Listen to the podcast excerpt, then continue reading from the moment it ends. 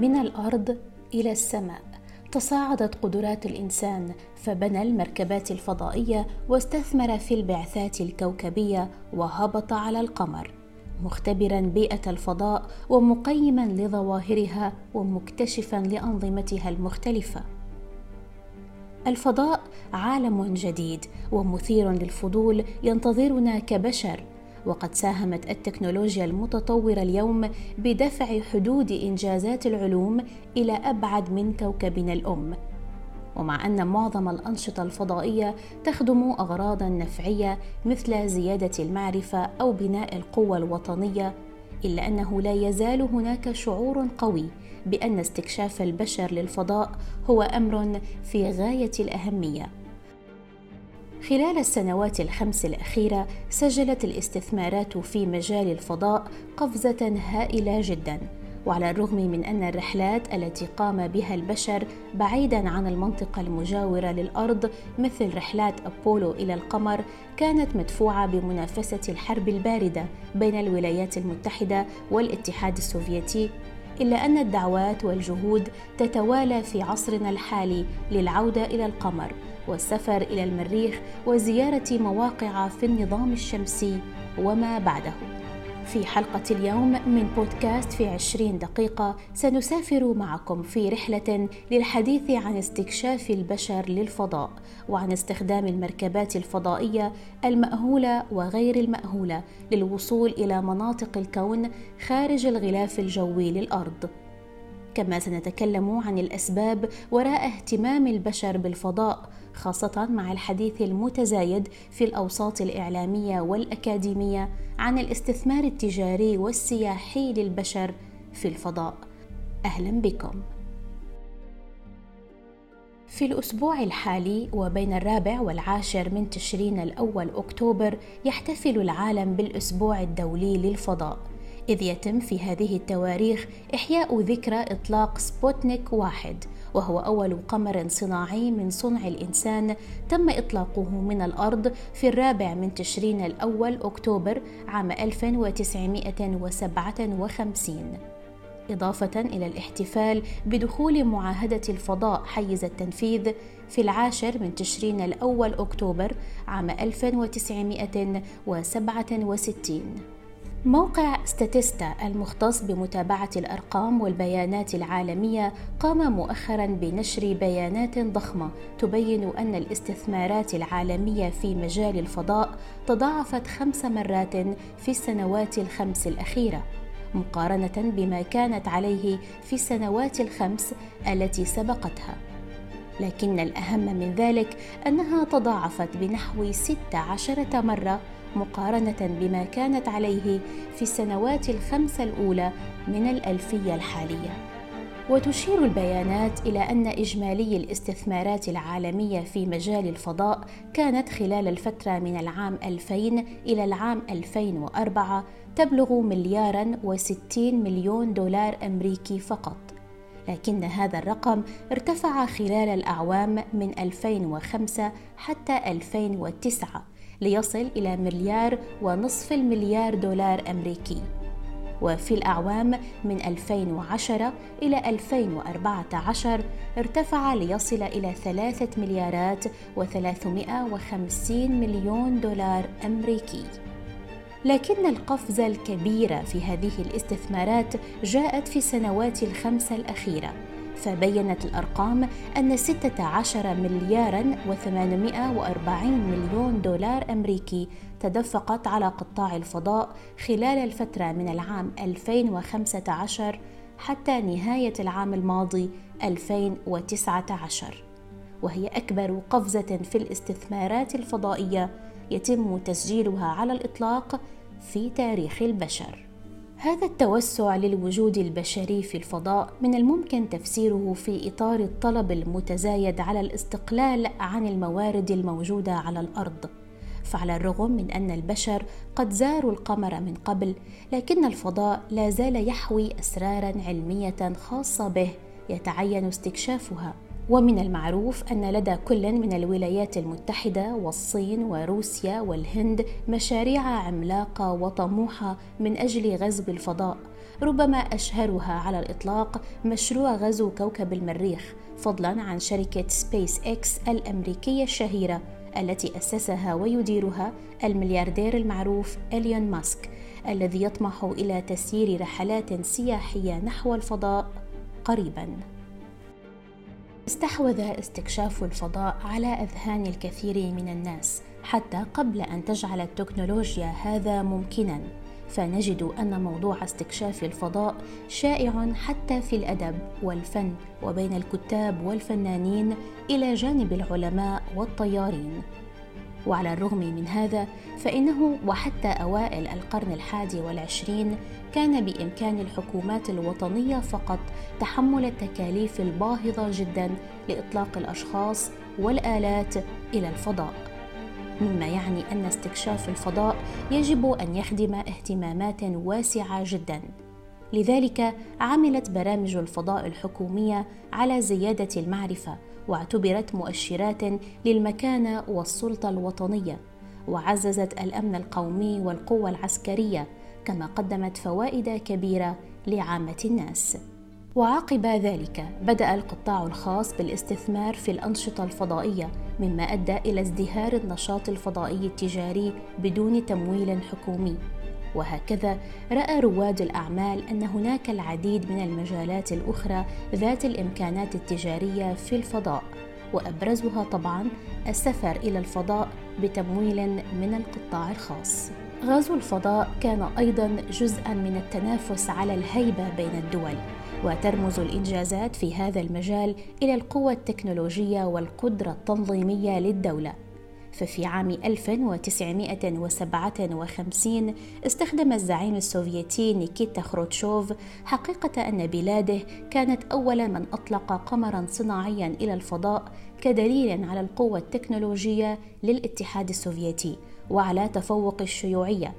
مكررا هذه الادعاءات بعد رحلة يوري غارغارين المدارية عام 1961 ومنذ ذلك العام وحتى انهيار الاتحاد السوفيتي عام 1991 كان للمنافسة بين الولايات المتحدة والاتحاد السوفيتي تأثير كبير على وتيرة ومحتوى برامجهم الفضائية. كما اعتبرت بلدان أخرى أن نجاح برنامج الفضاء مؤشرا هاما على القوة الوطنية. عربيا كانت دولة الإمارات العربية المتحدة من أكثر الدول التي استفادت من الخبرات السابقة في علوم الفضاء فبنت عليها وطورتها مستفيدة من استراتيجية الدولة بتعزيز دراسات العلوم الأساسية مثل الرياضيات والفيزياء والكيمياء إلى هندسة الطيران وعلوم الفضاء في أكثر من معهد علمي. من جامعة خليفة في أبو ظبي إلى جامعة الإمارات مرورا بالجامعة الأمريكية في الشارقة. كما شجعت دولة الإمارات العربية المتحدة الدراسات العليا في تلك المجالات وتمكنت من بناء فريق علمي إماراتي ساهم في بناء مسبار الأمل وهو أول مهمة عربية إلى المريخ. تم إطلاقه يوم العشرين من تموز يوليو الماضي ويهدف إلى دراسة الطقس والمناخ في الكوكب الأحمر. وكانت الإمارات قد أطلقت عام 2018 خليفة سات وهو أول قمر صناعي مصنع بالكامل بأيد عربية في دبي. وفي العام التالي وصل أول رائد فضاء عربي الإماراتي هزاع المنصوري إلى المحطة الفضائية الدولية الحالية في مهمة استمرت أسبوعاً. وفي عام 2004 أرسل مشروع ممول من القطاع الخاص مركبة فضائية تجريبية تحت اسم سبيس شيب 1 إلى الحافة السفلية من الفضاء لثلاث رحلات قصيرة شبه مدارية. وعلى الرغم من أن هذا الإنجاز كان أقل تحديا من الناحية الفنية من حمل البشر إلى المدار إلا أن نجاحه اعتبر خطوة مهمة نحو فتح الفضاء أمام السفر التجاري وفي النهاية للسياحة. اليوم وبعد مرور أكثر من 15 عاما على وصول سبيس شيب 1 إلى الفضاء تستعد الكثير من الشركات للقيام بمثل هذه الرحلات شبه المدارية. كما ازدهر عمل الشركات التي تستخدم صور الأقمار الصناعية لتوفير بيانات للأعمال حول الاتجاهات الاقتصادية. ويتم تقديم العديد من الاقتراحات حول مجالات أخرى للنشاط الفضائي في المستقبل. بما في ذلك استخدام الموارد الموجودة على القمر والكويكبات القريبة من الأرض والتقاط الطاقة الشمسية لتوفير الطاقة الكهربائية على الأرض. رحلات الفضاء الخاصة لا تعتبر مفهوما جديدا فمنذ الستينيات لعبت الشركات التجارية في الولايات المتحدة دورا كبيرا في صناعة الطيران.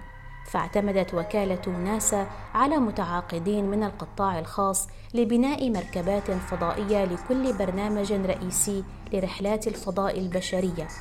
واليوم تعمل ناسا على توسيع نطاق علاقاتها مع الشركات الخاصة مثل سبيس إكس وبوينغ من خلال بناء مركبات فضائية قادرة على حمل البشر إلى الفضاء.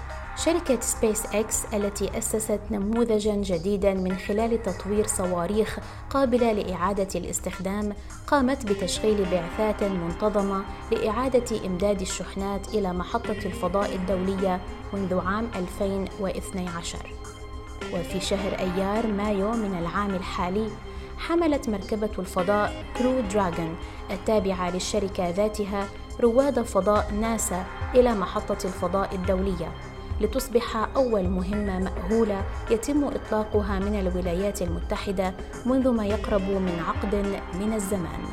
كما تعمل شركة بوينغ حاليا على تطوير مركبتها الفضائية ستار لاينر وتأمل في البدء بنقل رواد الفضاء إلى محطة الفضاء الدولية في عام 2021 هناك شركات أخرى مثل شركة بلو أوريجين وفيرجن جالاكتيك متخصصة في السياحة الفضائية شبه المدارية. إذ قامت شركة بلو أوريجين بنشر فيديو لإطلاق الاختبار.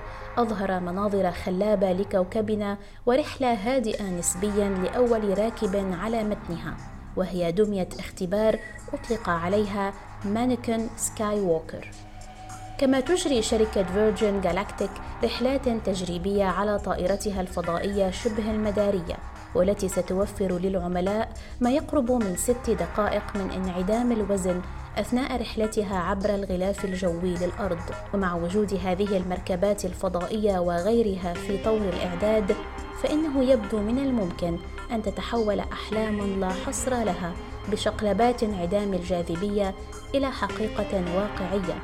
على الأقل للركاب القادرين على دفع مبالغ ضخمة مقابل التجربة. بعد الولايات المتحدة وروسيا والصين يتزايد عدد الدول التي تضع عيونها على السماء. فاليوم تمتلك أكثر من 12 دولة القدرة على إطلاق صواريخ في مدار الأرض. كما قامت ست وكالات فضاء بتصميم مركبات فضائية تزيل قيود الجاذبية الأرضية وتسافر إلى القمر أو المريخ.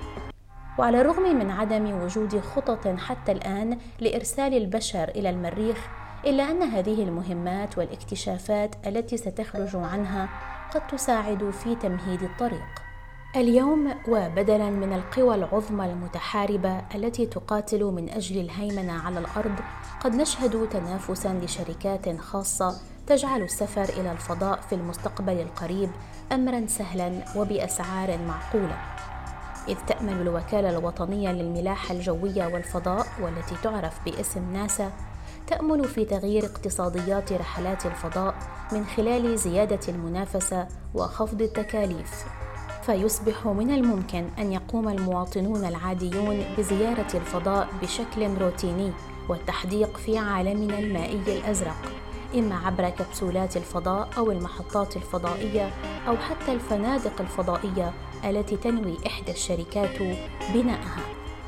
يقول الكاتب الأمريكي مايكل جريفن: إذا اختفت ناسا غدا وإذا لم نضع إنسانا آخر في الفضاء فإن الناس سيكونون في حالة ذهول عميق وسيشعرون أننا فقدنا شيئا مهما وأن أفضل أيامنا كانت وراءنا وسيشعرون بأنهم قد تضاءلوا بطريقة ما دون أن يتمكنوا من تحديد السبب ويشير الكاتب إلى أننا عندما نفكر بتخصيص مبالغ كبيرة من المال لمشروع ما فإننا غالبا نميل إلى أسباب منطقية من الممكن تسجيلها في جدول بيانات. أسباب حقيقية تجعلنا نقدم على هذا المشروع ونعمل الكثير في سبيل تحقيقه. لكن هل هناك فعلا أسباب مقنعة لسعي البشر لغزو الفضاء؟ وهل يجب بالضرورة أن تتواجد أسباب منطقية لهذا؟ هذا ما تحدثنا عنه المستشاره الاجتماعيه ليندا حمادة. مثل ما بنعرف هناك دائما فضول لسكان الكرة الأرضية بمعرفة إذا كان هناك إمكانية حياة أخرى في الفضاء. منهم النوع الأول المهتم بشكل علمي لمعرفة حركة النجوم وصبر أغوار الفضاء ومعرفة تقارب الأجرام هؤلاء يتجهون للاستثمار بشراء أدوات غالية الثمن والانتساب إلى الجمعيات الفضائية الموجودة ببلادهم حتى السفر أحيانا إلى جمعيات أخرى بس لمشاهدة حركة جرم معين ولقضاء معظم وقتهم بالصحراء لمراقبة النجوم من خلال هالتلسكوبات والأجهزة المتطورة. هدول الناس هن بيستثمروا بشكل شخصي بالمال تبعهم وبفوتوا بهي الجمعيات لتحقيق حلمهم إنهم يعرفوا أكثر عن الفضاء. مثلا أحدهم بالصدفة اسمه دينيس هوغ هو رجل أمريكي عام 1980 كان عنده مشكلات كتير وكان عاطل عن العمل. آه وهو عم بفكر كتير بسيارته بالطريق بالصحراء. كان ينظر إلى القمر بطريقة غريبة وبسبب أنه هو عاطل عن العمل نظر وبحث مطولا حتى وجد معاهدة دولية أقيمت عام 1967 كان اسمها معاهدة الفضاء الخارجي. كان فيها طرق وكيفية التعامل مع الأجرام السماوية من قبل الدول ولقى فيها ثغرة بتقول إنه لا يمكن لأي دولة تأكيد سيادتها على القمر ولم يشيروا أبدا آه، ولم يتطرقوا إلى أي كلمة تخص الأفراد. ومن هنا قرر أنه الأجرام السماوية والقمر ملكه واستعان بهذا الشيء على تأسيس شركة لبيع صكوك من أرض القمر. كان الفدان ب 25 دولار والذي يبدو غير منطقي وغير طبيعي إنه الزبائن كانوا هن هدول النوع الثاني من البشر اللي بدي أحكي عنه اللي هو مهتم بأنه يستثمر أمواله للأجيال القادمة والغريب إنه عمل ثروة تقدر ب 12 مليون دولار. حتى يمكن باع القمر مرة ب 250 ألف دولار لشخص. المهم كان هذا الفضول وهذا الشيء الغير منطقي ظهر لأنه الناس عندها فضول تذهب إلى المستقبل أو تستثمر في الشيء المجهول للأجيال القادمة وخاصة الأثرياء. هذا الفضول بأنه يكون عندهم ملكية محتملة في الفضاء الخارجي هو خلاهم آه، يشتركوا ويشتروا طالما أن الدول منها أمريكا ومنها روسيا وقعت على هاي الاتفاقية وحتى اليابان وكتير دول وتنص هذه الاتفاقية على عدم ملكية أي دولة على تلك الأجرام السماوية. وأيضا حظر استخدام البشر للقمر في الحروب الشخصية أو وضع أسلحة دمار شامل آه، على أرض القمر. يمكن هذا الشيء خلى البشر بهذه الفترة أنه يشتروا يستثمروا لأنه بدهم أرض ما يكون فيها حروب وبنفس الوقت هي للمستقبل. يعني الناس خايفة من الواقع فذهبت إلى المستقبل عن طريق استكشاف الفضاء أو الاستثمار فيه بدون ما تشوفه. بعام 1969 كانت أول مرة بيخطو فيها نيل أرمنستون على القمر ومشي وقتها على سطح القمر وحط العلم الأمريكي على هذا السطح. وآخر واحد مشي على سطح القمر كان عام 1972 وخلال الخمسين سنة هدول لم يمشي أحد على سطح القمر آه، يعني خلال كل هاي الفترة. وهذا الشيء آه، أثار فضول آه، أحد الكتاب الأمريكيين اللي قال إذا اختفت ناسا وما عاد حدا مشي على القمر الناس رح تخاف وتفقد الأمل بالمستقبل. بعد أن تمكن البشر من جعل النظام الشمسي في نطاق تأثيراتهم الاقتصادية لا أحد يعلم ربما ماذا ستكون الأهداف الإضافية للبشر في الأفق المرصع بالنجوم أو إذا كان غزو الفضاء سيؤدي إلى الحصول على فوائد تجارية ومجتمعية على الأرض لكنه الفضول ففضول البشر جزء من طبيعتهم. في النهاية من منا لم تكن لديه الرغبة في معرفة ماذا يوجد فوق التلة المجاورة. من هو الطفل الذي لم ينجذب لاستكشاف ما وراء الشوارع المألوفة في حيه السكني؟ كانت هذه حلقة اليوم من بودكاست في عشرين دقيقة تكلمنا فيها عن الغزو البشري للفضاء. شكرا جزيلا لكم على الاستماع إلينا ونلتقي في حلقة جديدة على راديو الآن. إلى اللقاء.